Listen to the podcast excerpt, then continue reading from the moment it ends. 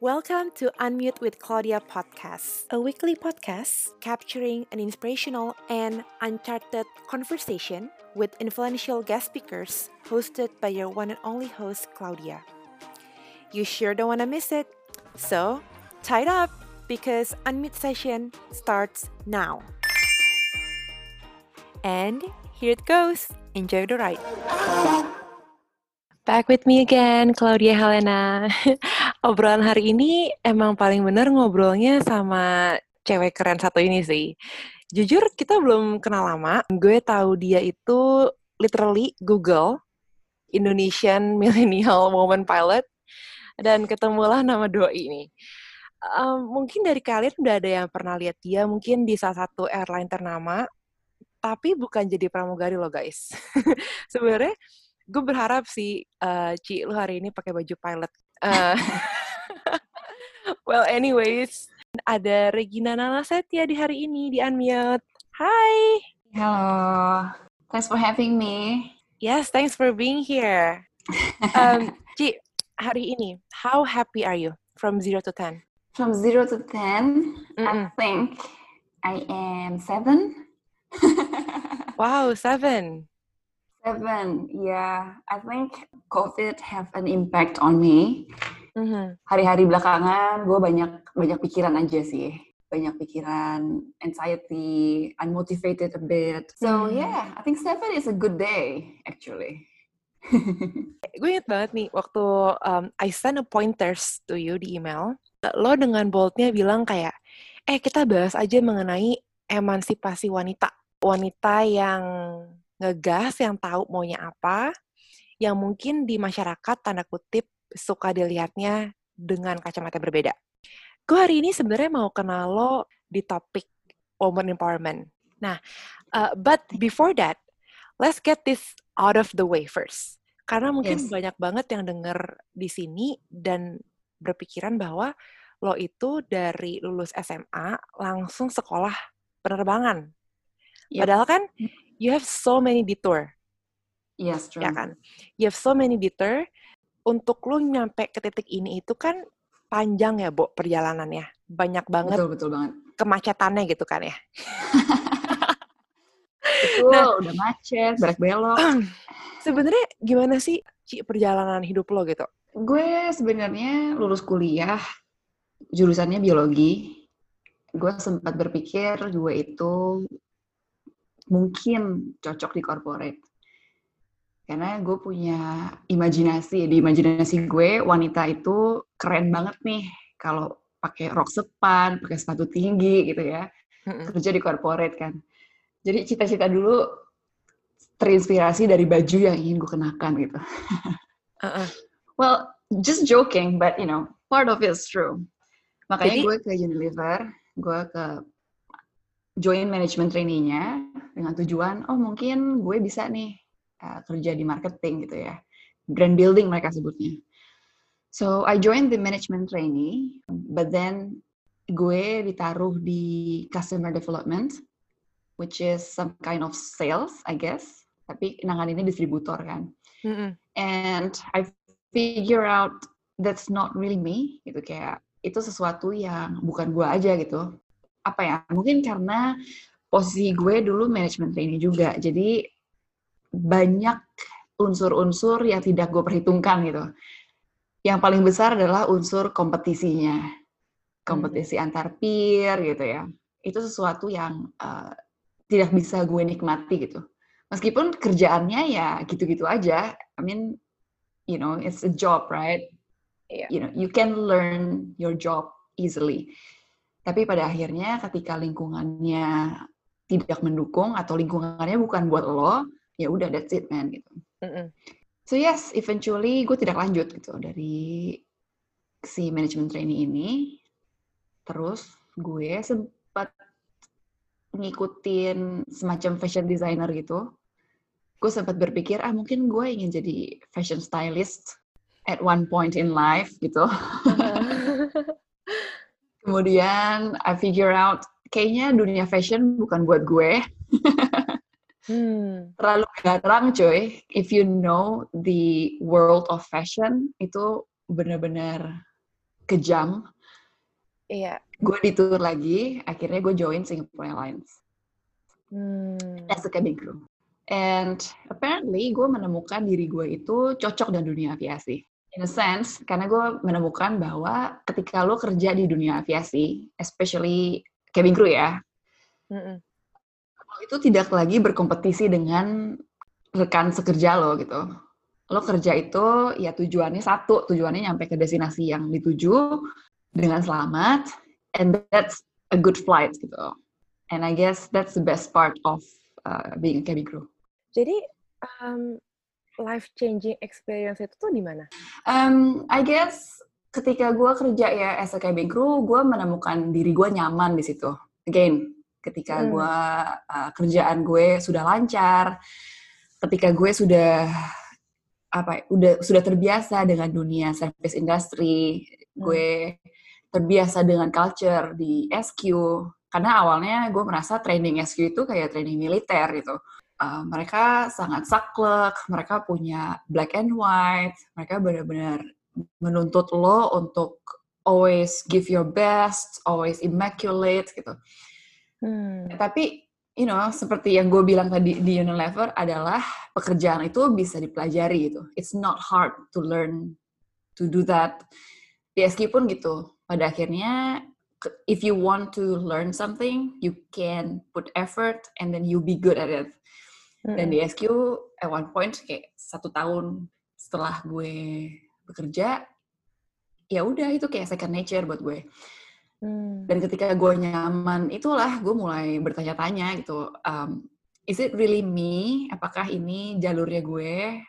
Kayak semacam bisikan-bisikan ilahi yang berkata, um, I don't think this is me gitu. Kayaknya, you know, I can do something more than this Mm-mm. di situ gue mulai bertanya-tanya eh, apa sih yang gue pengen, apa sih yang gue suka, apa sih yang sebenarnya kemampuan gue itu apa gitu, my purpose I guess, my full potential. It's not just purpose, right? Kayak Hmm. the full potential yang gue cari-cari itu apa dalam hidup, cuy lah. Tapi gimana ya, kan selama ini orang-orang bertanya kayak the turning point. Uh-uh. Pada akhirnya, it's not a point it's not as simple as a snap gitu. Tidak kemudian gue langsung tahu gue maunya apa gitu. Pada akhirnya ketika gue di dunia aviasi sebagai cabin crew sendiri, gue suka bertanya-tanya gitu tentang pesawat, tentang um, the physics behind flying, tentang turbulence. Hmm. Itu yang akhirnya kemudian memupuk kecintaan gue terhadap dunia aviasi sendiri you know, ka- kan orang-orang berpikir kayak, oh tiba-tiba aja aku jatuh cinta.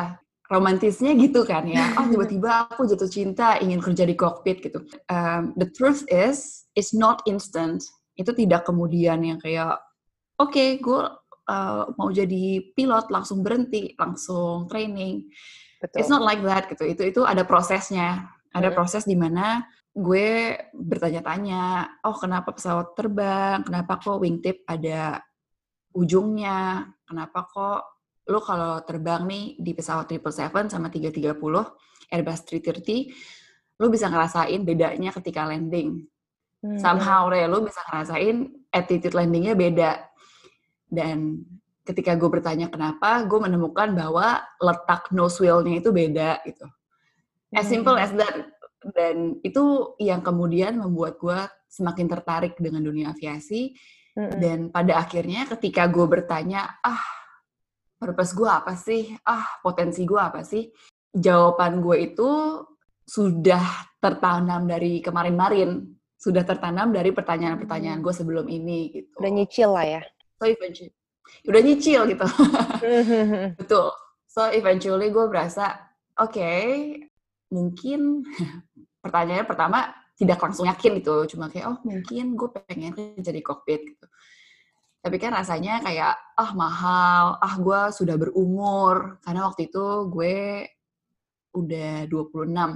Jadi gue berasanya ah gue udah tua nih. Cah, gitu kan. Biasanya kan gadis-gadis ini kan merasa insecure dengan umurnya kan. Aduh, gue udah tua nih. Kalau gue sekolah lagi gimana ya gitu. Iya, Apakah kesempatan gue bekerja ke depannya ada gitu. Mm-mm. So that's always on the table gitu. Dari pertama pun gue sudah punya uh, insecure tersendiri. Mm-mm. But yeah, eventually I took the leap of faith. Akhirnya gue memutuskan untuk uh, berhenti dari Singapore Airlines. Terus gue training di Auckland. Itu Mm-mm. berarti awal tahun 2017. Mm-mm. And I finished the training in 2019. Again, sebelum gue akhirnya kerja di KT, Iya. gue sempat kerja kerja-kerja kasar gitu. Gue sempat kerja jadi medical prostitute. Oh my Okay. god. Hidupmu If you know clinical ya. trial, Heeh. ya clinical trial, technically gue itu jadi kelinci percobaan, but gue suka menyebut diri gue sendiri medical prostitute karena you know literally it means medical prostitute. Lo itu Heeh. dikasih obat, lo harus minum obatnya, lo harus memberikan diri lo pada farmasi ini. You know, literally you're a medical prostitute.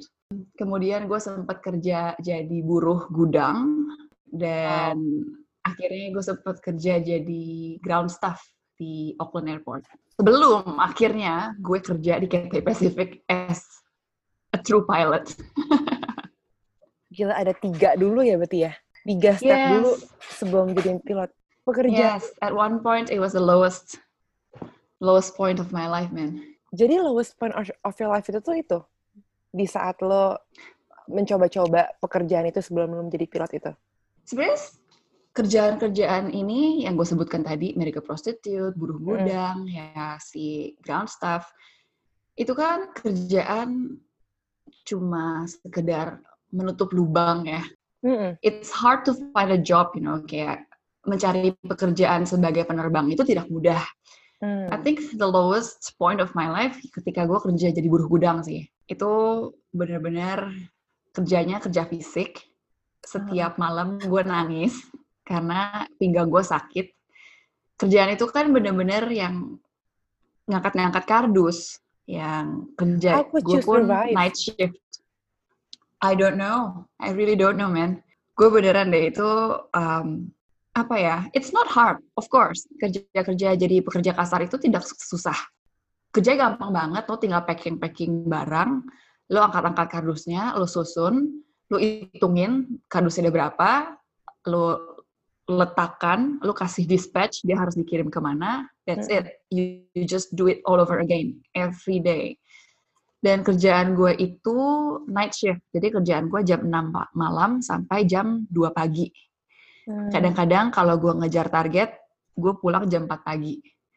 Oh my And I god. sleep, wake up the next day, and do it all over again. How to say? Di satu gudang itu yang punya gelar sarjana cuma gue. Yang bisa nerbangin pesawat cuma gue. You know, the feeling of you're just overqualified, like Iya. literally overqualified. Iya. Dan yang sedihnya waktu itu kayak zaman-zaman gue kerja itu orang-orang suka pakai hashtag kerja bagai kuda. Orang-orang yang ngasih hashtag ini tuh orang-orang yang kerja di kantoran gitu. Yang oke, gue tidak bermaksud work shaming ya. But when I did that job ketika gue jadi buruh gudang, Mm-mm. kerjaan gue itu kerja bagai kuda yang sesungguhnya gitu. you know, bener-bener itu kerja kuda itu ya. Kayak kerjaan lo tuh bener-bener buruh, kerja kuli, kerja kasar. Wow, Hmm. itu bener-bener yang kalau gue suka flashback nih ya, gue merasa gue merasa diri gue unmotivated. Gue suka flashback aja kerjaan gue zaman dulu ketika gue kerja di gudang. Hmm. Gue immediately feel grateful. Gitu. Kayak, okay, no. That was the lowest point of my life. There's no way I want to go back to that point. Kayak, thank you next. Berarti pekerjaan lo ini di dunia aviasi ini semacam out of your comfort zone ya? Aviasi sendiri sih, at this point, it is my comfort zone again. Tapi menuju comfort zone gue itu, gue melewati lembah dan gunung. Hmm. Eventually kayak sekarang ketika gue kerja sebagai pilot gitu, gue menemukan bahwa ya gue enjoy, I enjoy the environment, I guess. Mm -hmm. Kayak gue enjoy the um, working culture, I guess. Balik lagi ya ketika gue kerja dengan kapten gue, ketika gue kerja dengan FO, gue kerja sebagai tim, bener-bener the truest meaning of team.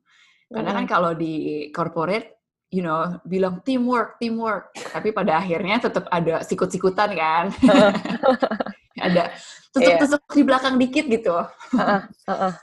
Dan gimana ya, kalau kerja di corporate yang tiap hari lo ketemu orang yang sama, akan ada banyak politiknya Hmm. Lo bisa merasakan politiknya secara langsung.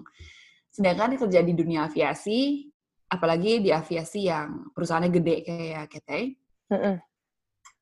karena orangnya terlalu banyak, kalau lo mau ngomongin orang di belakang pun, belum tentu orangnya inget. I think you just a number gitu, kayak pada akhirnya uh, uh -uh. lo bisa, you can choose to stay away from the politics. Right. Dan this is something that I enjoy. This is my comfort zone gitu. Yang kayak gue bisa nyaman. Karena aku hmm. anaknya introvert sebenarnya. semakin jauh gue dari dunia politik, semakin jauh gue dari dunia gosip, hidup gue semakin nyaman gitu. Nyaman. Hmm, hmm. Nih gue baru ngomong lu, we just talk 15 minutes, but gue bisa lihat bahwa lo orangnya deep thinker gitu ya? oh my god, you can read people. yes. Iya, gue kebanyakan mikir. Hmm, ketika kapan sih lu mulai mempertanyakan your why? Selalu deh, gue selalu berpikir dari zaman kuliah juga gue suka bertanya-tanya kenapa sih begini, kenapa sih gitu. Hmm. I think kenapa pada akhirnya gue tidak terus di dunia biologi pun karena gue selalu bertanya kenapa ada apa dengan um, dunia sains di Indonesia. Jadi ketika gue bekerja di SQ dari awal juga gue sudah sering bertanya-tanya kenapa. Pertanyaan kenapanya ini tentunya selalu berbeda ya. Mm -hmm. Kalau misalkan gue bertanya di awal-awal gue bekerja sebagai pramugari, pertanyaannya lebih kenapa sih kok gue harus taruh gelas di kanan? Kenapa sih si dessert harus di kiri. Kenapa sih? Uh -uh. Kok begini? Kenapa sih gitu? Pada akhirnya jawaban dari pertanyaan kenapa ini menarik banget. Jadi itu, it just comes naturally, I guess. Dan mungkin ini terbentuk dari kuliah kali ya, karena kuliah gue science. Mm -mm. Ya gue dulu biologi, gue suka ditanya kenapa. Kita harus menjawab pertanyaan itu gitu. Berarti kuliah biologi itu sama sekali nggak kepake at all dong, kalau boleh dibilang. Not true. Pada akhirnya ketika gue di pen dunia penerbangan, mm -hmm. ada aspek-aspek biologi yang harus gue pikirkan. Misalkan, hmm, yang paling gampang nih ya, uh -uh. kita kan terbang di atas 3.000 kaki nih. Komposisi oksigennya sama ternyata, tapi konsentrasinya berbeda. Hayo loh. Waduh ketersediaan oksigen di 3000 uh-huh. kaki, 30.000 kaki itu berbeda dari ketersediaan oksigen di sea level atau di ground level gitu. Wow, itu menarik banget sih karena kalau lo bandingkan bersebelahan biologi dengan dunia aviasi itu sangat sangat bertolak belakang ya maksud gue kan. Tapi ternyata it connects a lot of dots. Nah, sekarang ini kan lo bekerja sebagai pilot di mana 90% yes pilot itu adalah cowok gitu loh. Gue jujur nggak tahu kenapa yeah. cewek nggak ada yang mau jadi pilot ya. Dikit banget. Nah, pas lo menginjakan kaki di jabatan pilot itu, perasaan lo gimana? Ada nggak ngerasa terintimidasi gitu? Intimidasi sih enggak ya.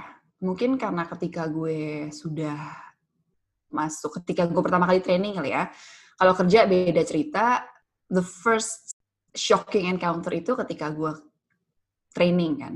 Mm-hmm. Intimidasi dari gender sih enggak ya. Gue sih awalnya tidak merasa gue terdiskriminasi gimana enggak. Karena gue merasa I go through the same uh, examinations. Mm-hmm. Yeah, I have to go through the same process. I have to go through the same syllabus.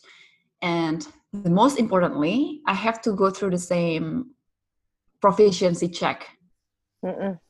Jadi gue berasa nggak ada bedanya gitu. Cuma karena gue seorang wanita, tidak kemudian ada proses yang dipermudah. Yang paling apa ya, yang gue merasa empowered banget nih ya. Kita kan sebelum terbang itu ada harus melakukan pre-flight. Pre-flight itu kita harus ngecekin pesawat nih.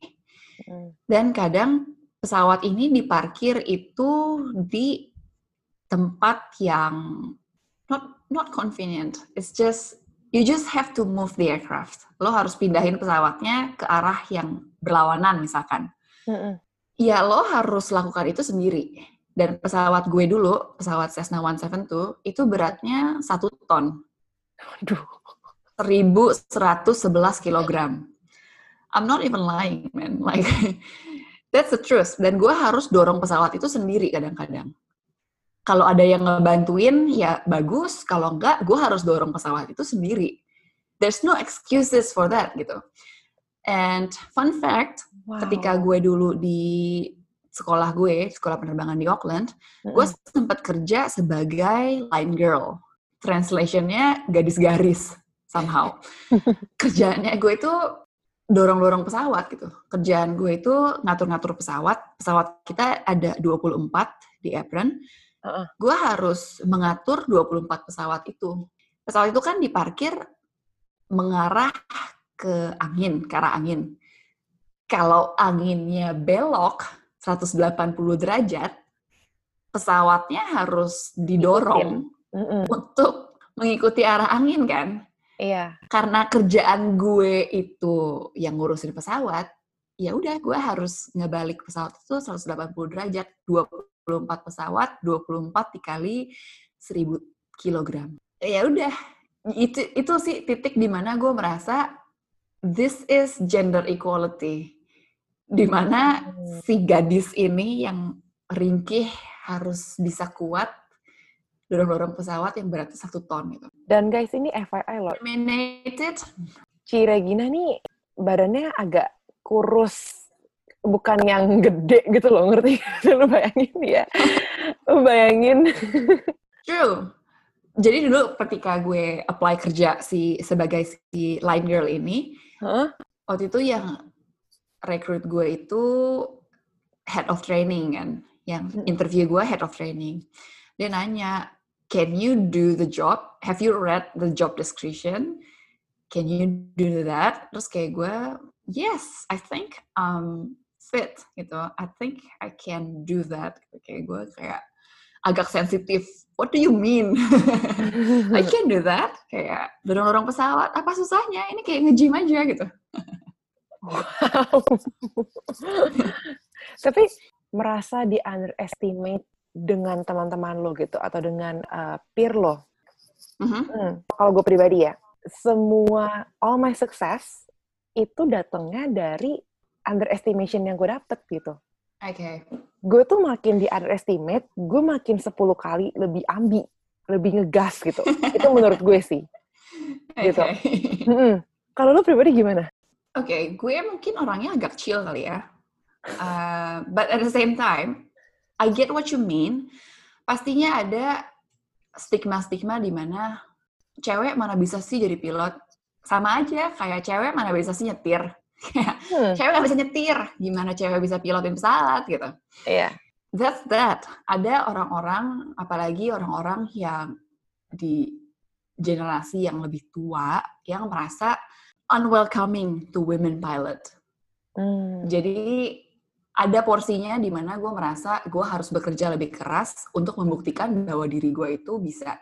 Ini se- sebenarnya terletak semuanya di awal-awal, di awal-awal training. Karena gue merasa, no, I have to prove that women can do better gitu. Kayak terutama di exams, you know. Yang paling Mm-mm. gampang kan di ground theory ya. Ketika gue harus Iya, iya. belajarin teorinya, ya udah gue belajar lebih keras, jadi nilai gue bagus gitu.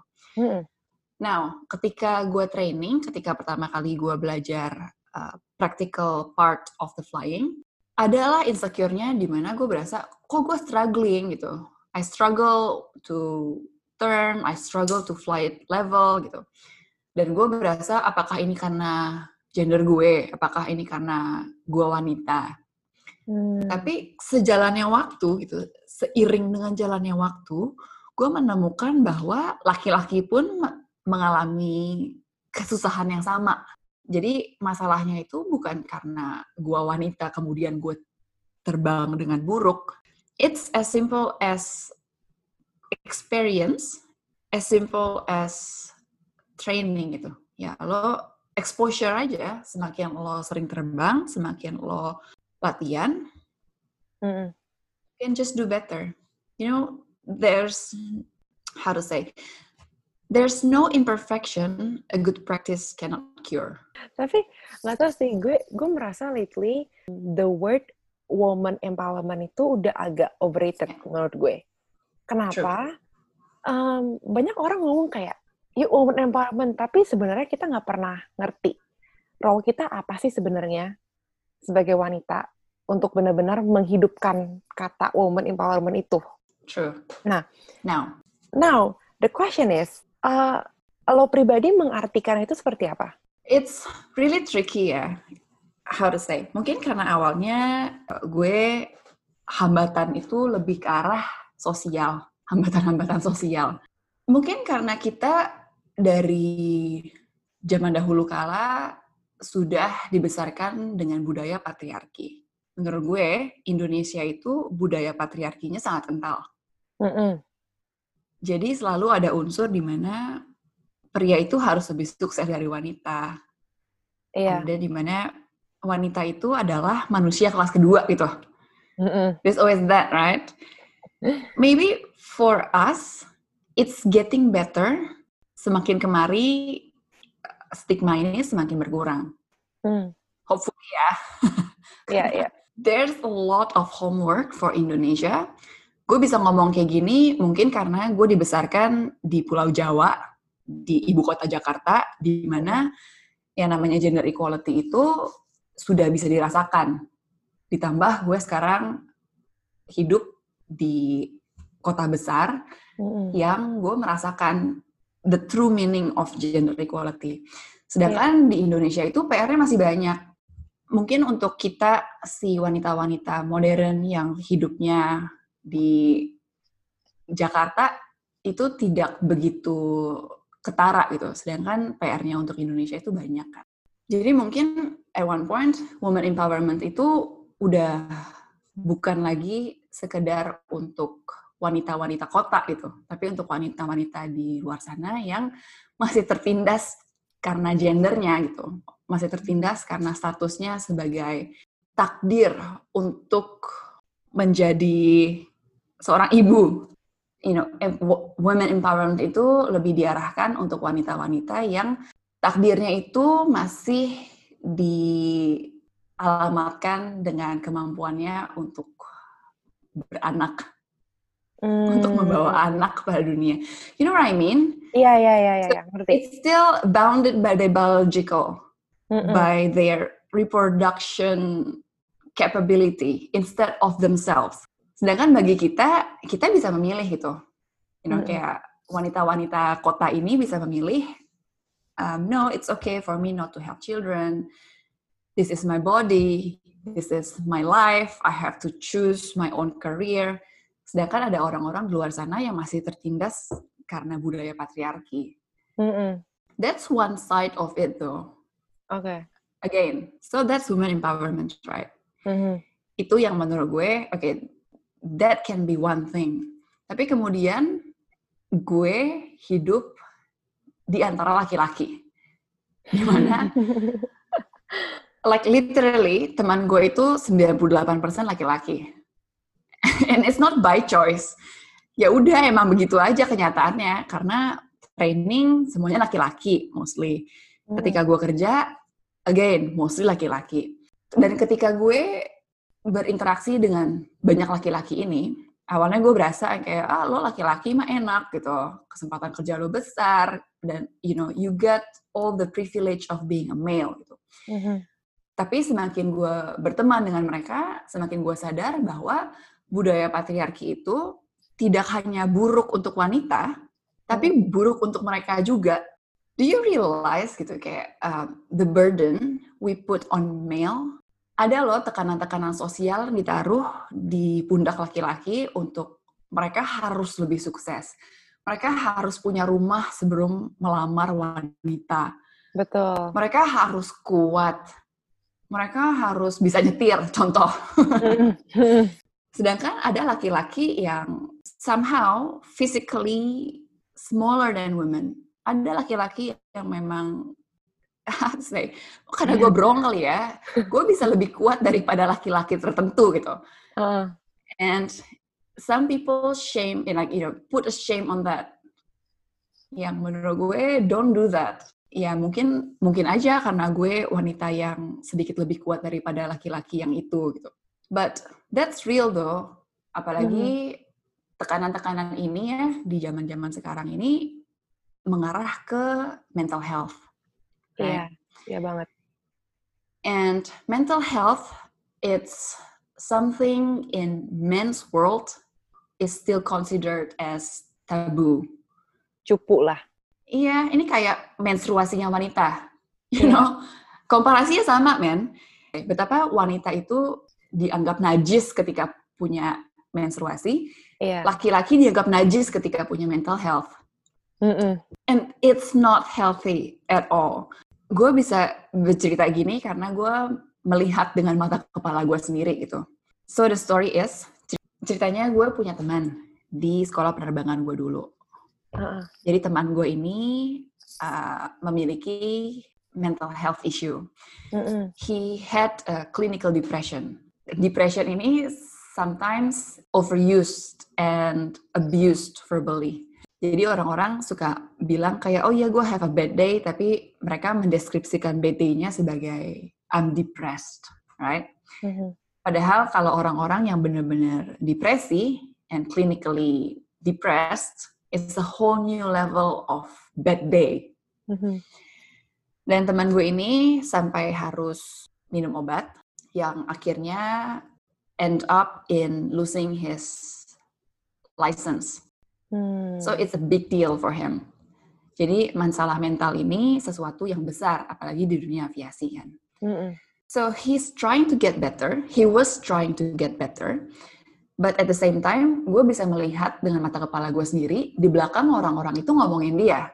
Itu dia sampai sampai harus berobat gitu, sampai harus minum obat, yang pada akhirnya membuat dia kehilangan his flying license jadi dia tidak bisa lagi terbang. Mm-hmm. So it's a real thing, it's a big deal. I think yang kemudian menyakiti hati gue adalah ketika gue berinteraksi dengan orang-orang lain yang mana mm. you know the people behind his back yeah. yang kemudian bilang ah dia mah it's just another bad day everybody have a bad day he's just mm. gitu dia orang-orang ini berpendapat bahwa yang mengalami mental health ini just being a pussy about it gitu. Hmm. Padahal ya ya nggak gitu gitu. I mean, and is this is man to man loh. Yang ngata-ngatain ini laki-laki loh. Wow. You know, we women karena kita sudah tertindas dari zaman dahulu kala, kita punya sistem gitu. Women oh. for women, right? Kita yeah. punya banyak lembaga yang mendukung women. We have foundation for women. Kita again the word of women empowerment kita punya sistem tersendiri untuk mendukung sesama wanita sedangkan para pria ini yang pun menjadi korban budaya patriarki masih belum tahu caranya belum masih belum tahu caranya menghadapi the adverse effect of patriarchal Hmm. Susah ya bahasa Inggrisnya juga. Apa ya? The adverse effect of patriarchal culture. Iya yeah, it broke my heart gitu. Kayak it really broke my heart ketika gue ngelihat para laki-laki ini bukannya saling mendukung, bukannya membantu, tapi kok malah menjatuhkan. Make fun behind mm -hmm. the back gitu, kayak behind his back. Kayaknya perlu juga gak sih suatu lembaga atau afiliasi yang mendukung mental health in men gini? Now, that's something that I want to talk about how to say akhirnya gue mencoba melihat gitu kayak what is it in New Zealand that I can do to help this male yang nggak tahu arahnya mau ke mana gitu kan mereka seperti domba-domba yang hilang gitu kan dan akhirnya gue menemukan ada satu foundation mm -hmm. yang sebenarnya marak ya di New Zealand, di Australia, bahkan di uh, eh, UK pun foundation ini dikenal. Namanya Movember. Um, jadi Movember ini setiap bulan November mm-hmm. itu kayak mendukung para pria untuk grow a mustache selama satu bulan to increase the awareness of mental health in men. Jadi wow. di awal November mereka cukuran selama mm. satu bulan, mereka nggak boleh nyukur. Di akhir bulan November mereka cukuran lagi. Mm-hmm. Dan selama satu bulan ini, selama bulan November, biasanya mereka banyak acaranya. Biasanya mm. fundraising, itu yang kita lakukan ya. Itu yang kemudian gue mengajak anak-anak di flying school gue untuk fundraising and build the awareness of mental health in men. Mm. Jadi foundation ini udah ada, you know. Gue tidak create ya, jangan salah paham. Gue tidak create the foundation. I just use the foundation uh. to fundraise and build the awareness among the men. Ya, gue sendiri nggak paham di Indo ada apa enggak. Yang gue tahu hmm. si Movember ini maraknya di New Zealand, Australia, dan UK. Mungkin karena mereka satu geng. Yeah. But it's a good thing gitu, karena kayak yang lembaga-lembaga kayak gini akhirnya dari pria untuk pria. Jadi di New Zealand sendiri udah ada, udah eksis ya harapannya ya kayak di Indo bakal lebih aware dengan yang kayak gini. Again, di New Zealand yang mana gue merasa gender equality itu lebih ada dibandingkan Indonesia. Mental health for men aja masih poorly taken care of. Gimana di Indo, Indo. yang budaya patriarkinya masih masih kental banget gitu. Iya. Yeah. And dan inilah peran wanita di sini pun ada gitu. Misalkan ya contoh. Hmm. kisah gue punya teman. Teman gue ini wanita sukses. The one of the empowering women. Pastinya dia high earning woman as well. Mm suatu saat gue pernah ngobrol tentang dating sama teman gue ini. And seru nih. came across mm -hmm. bahwa teman gue bilang oh gue mah kalau ngedate cowok yang harus bayar. Hmm. As simple as that man. Gitu kayak oh cowok yang harus bayar kan ngedate. Masa harus gue yang bayar? Masa setengah-setengah gitu. Hmm. Dan ketika kita ngebahas tentang oh lu mau cowok kayak apa sih? Misalkan ya. Hmm. Hmm. Dia ada box boxes to take yang isinya nggak nggak lari dari oh ya harus lebih mapan dari gue, penghasilannya harus lebih besar, harus udah punya rumah, karirnya harus begini dan begitu. Ini kan definisinya patriarki. Ini definisi patriarki zaman modern gitu loh.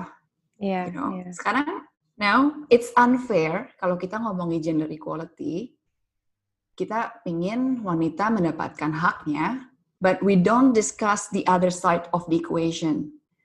Bahwa hmm. pria-pria pun punya hak yang sama dengan wanita. You know, to be human. As simple yeah. as to be human.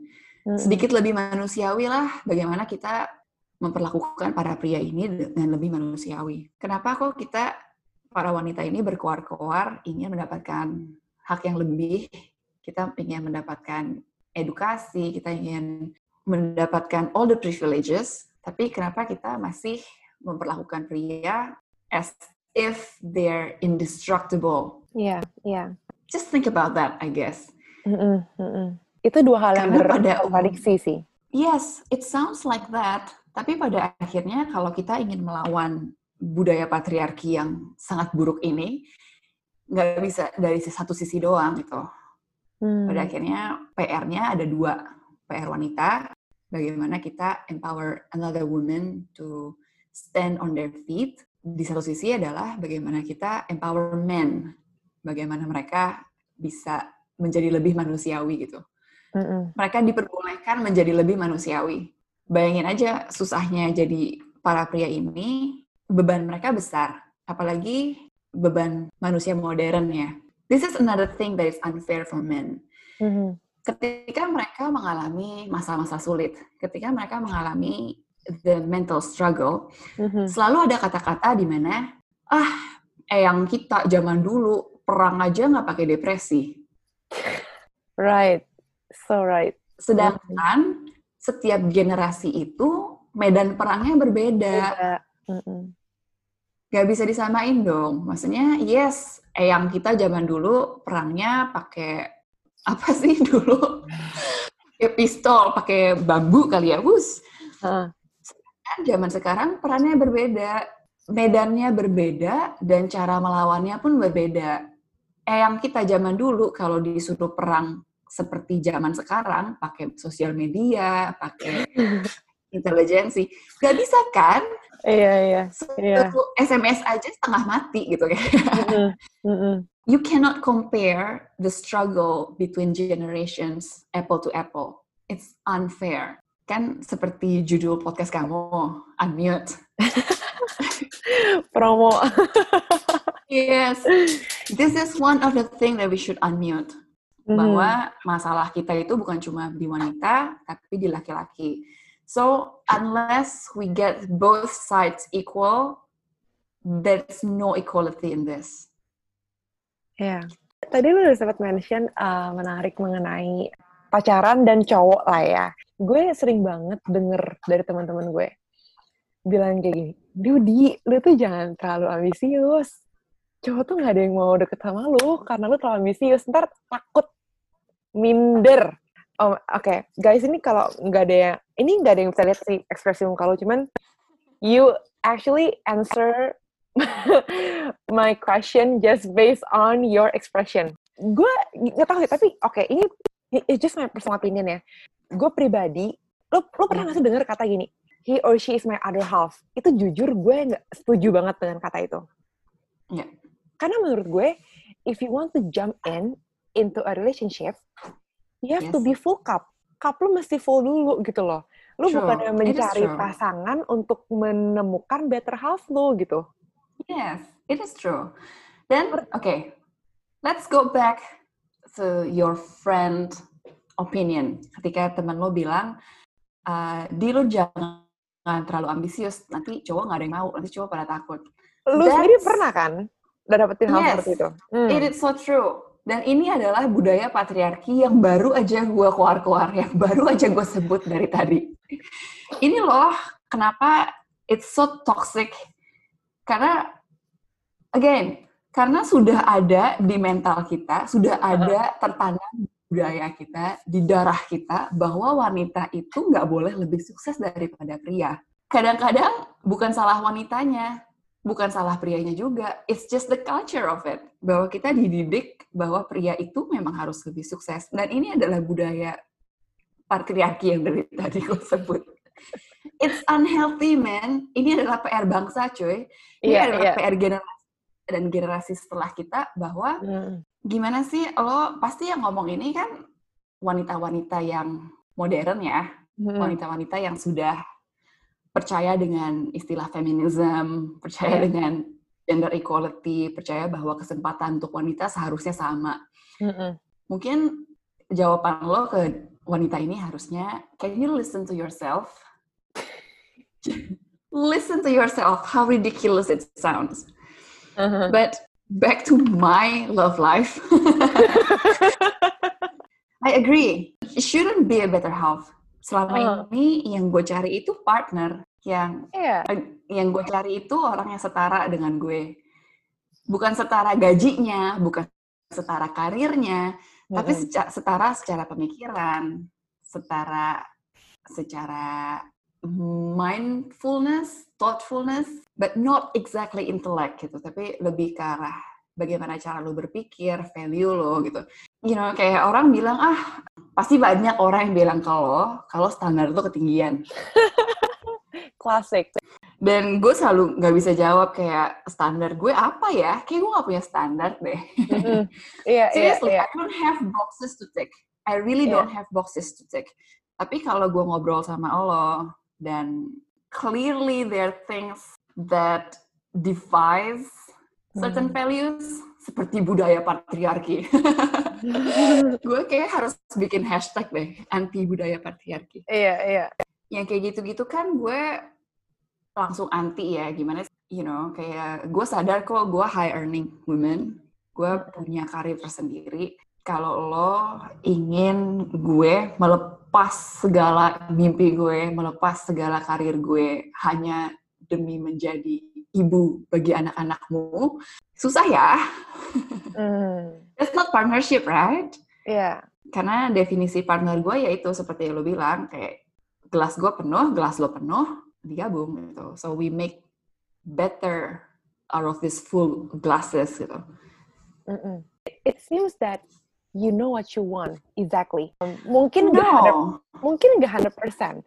I mean, I mean know exactly bukan berarti dalam hal pasangan doang ya, tapi dalam hal hidup. Yeah. What do you want to get out, out of life gitu loh menurut gue. Nah, gimana sih cara lo tuh membangun self awareness gitu untuk menentukan level happiness lo atau untuk menentukan what kind of life you want. Karena gue tahu lu karena lu di Tinker pastinya lo suka berefleksi diri. Itu tuh dua hal nggak bisa dilepaskan gitu. It's true. But unlike popular belief, gue itu sebenarnya suka nggak tahu maunya apa. Uh -uh. Seperti wanita-wanita pada umumnya. Gue iya, nggak yeah, tahu maunya apa, tapi gue tahu nggak mau apa. Hmm. You know what I mean? Yeah, yeah, I don't know what I want. I just, you know, I don't know what I want, but I know what I don't want. Mm-mm. You know what I mean? Kayak, kayak mm. udah, gue sih, kayak misalnya ditanya mau makan apa, nggak tahu. Tapi makan pizza nggak mau, makan burger nggak mau, you know, standard right, women. Mm. Generalisasi. A joke by the way, jangan sampai lo merasa tersinggung.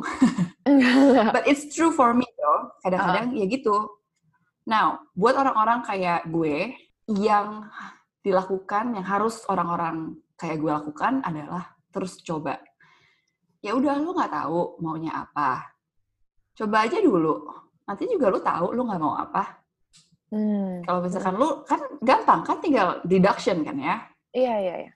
Oke gue nggak mau ini. Ya udah coba yang lain. Eh nggak jadi deh. Gue nggak jadi mau. Coba yang lain gitu. And that's how I land on this job. That's how I land to this career today. So try ya, coba aja. Terus nggak mm -mm. mau, ya udah. Nggak mau, coba lagi. Nggak mau, coba lagi gitu kan.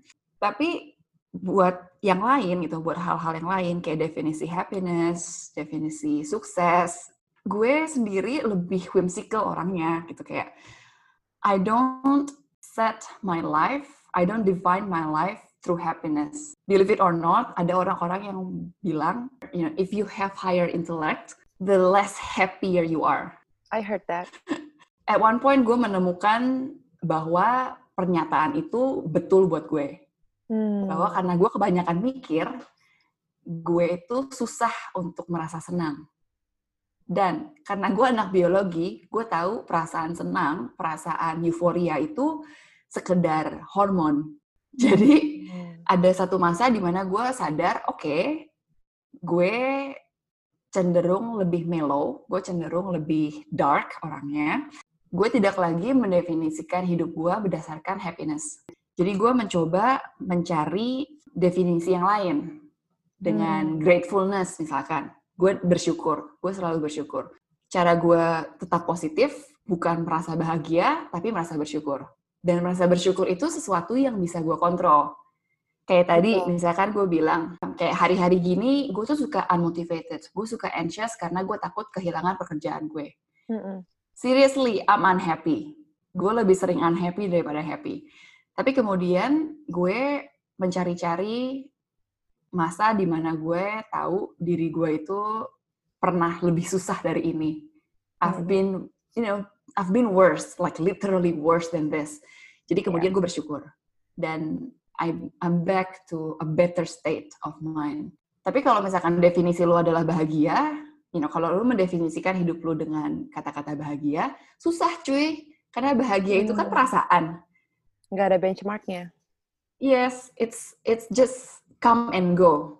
Datang yeah. sebentar, kemudian hilang. Kalau ya lo berharapnya gitu, susah gitu kayak.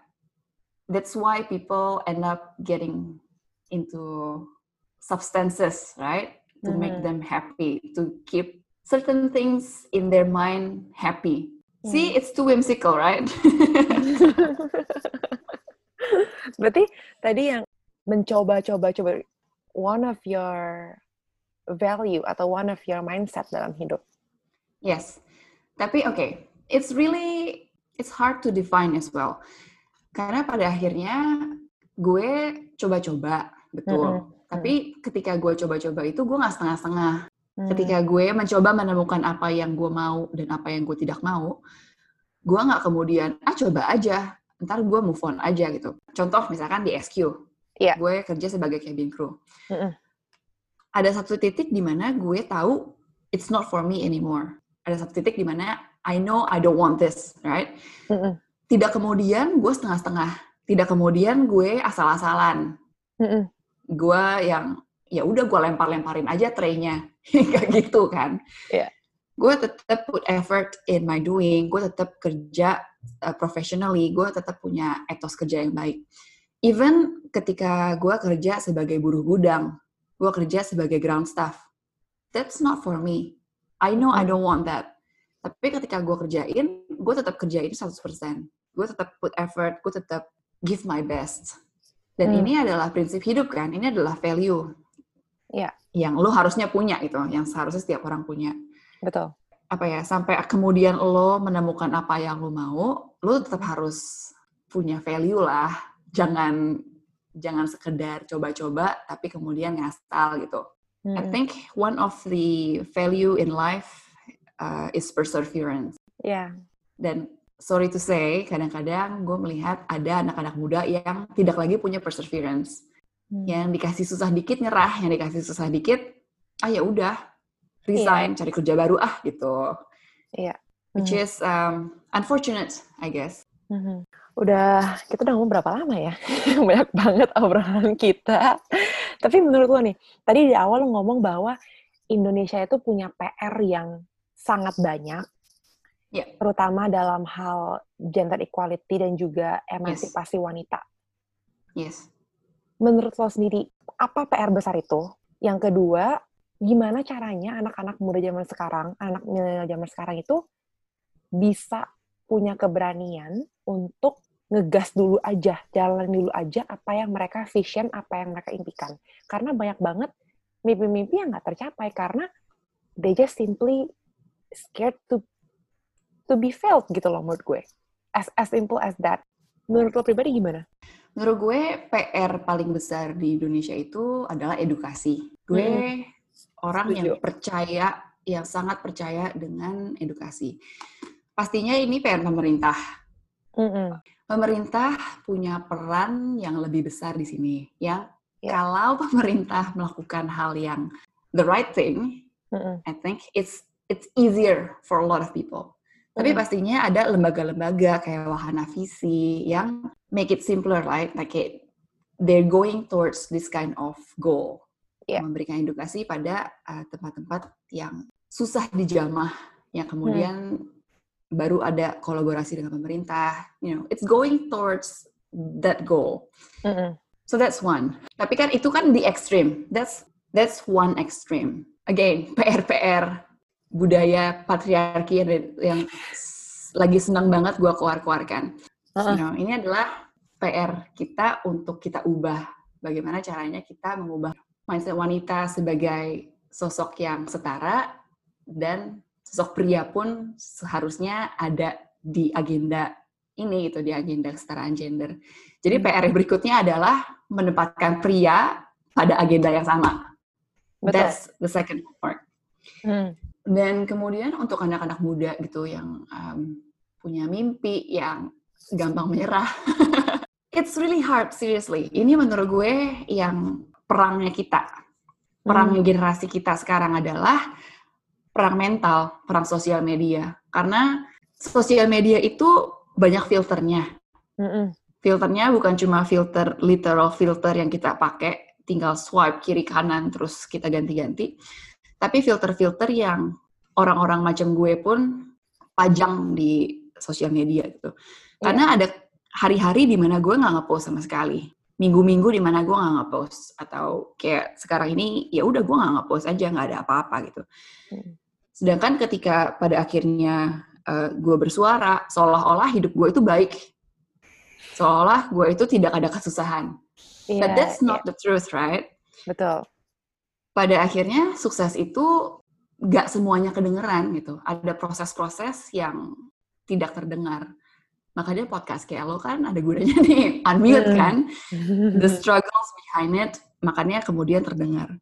Iya. Yeah. So I guess the struggle or the cure for this is to realize that every process have its own struggle.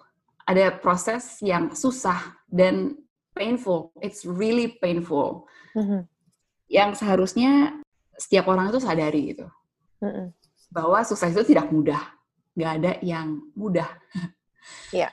So it has to be on the table. Bahwa passion mm-hmm. itu tidak kemudian rainbows and sunshine. Iya. Yeah. Passion itu adalah ketika lo bisa menemukan joy in your struggle. Mm-hmm. Bagaimana caranya lo bisa berbahagia ketika lo berusaha. Betul. And that's how I define my passion ketika gue hmm. kayak sekarang nih ya, gue di dunia penerbangan, gue struggling kok, training gue penuh dengan kesusahan. Gue harus belajar bener-bener ekstra supaya gue bisa lulus. Sekarang pun ketika gue sudah di maskapai, seolah-olah I'm successful, seolah-olah gue sudah at the end of my goal. Kenyataannya, gue harus belajar berkali-kali. Setiap tiga bulan gue ada ujian, mm -hmm. dan gue benar-benar harus belajar buat ujian ini gitu. Yeah. And meskipun gue sudah digaji, tidak kemudian berarti I stop struggling. But the difference is I find joy in my struggle. Yeah. Dan ini sesuatu yang harusnya orang-orang itu, eh, yang harusnya when you try to pursue your passion, you have to realize that it's not gonna be sunshine and rainbow. It's mm. gonna be painful but hopefully you will enjoy your pain. Yeah. So what's next for you then? It's for me to keep my job. oh God, just kidding. and to feel less sucks.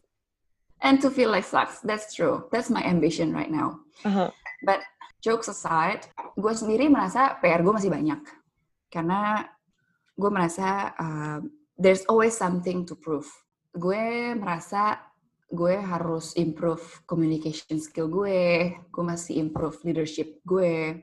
Mungkin kalau hari-hari kayak gini, pertanyaan gue, alternate gue ke mana? Kalau misalkan gue memang harus make redundant, kalau gue memang harus tidak bekerja sebagai pilot, gue harus kerja apa gitu. So, it's really hard to tell kayak ke depannya apa, karena masa-masa kayak sekarang ini penuh dengan ketidakjelasan. But yeah, I guess I just want to be less suck. I just want to be better. Wow, thank you so much. Chi, what a very interesting and useful conversations about woman empowerment and a lot of things that we talk about. And if you guys enjoy this conversation as much as we do, please do share to your friends. And I'll see you guys next week. Bye.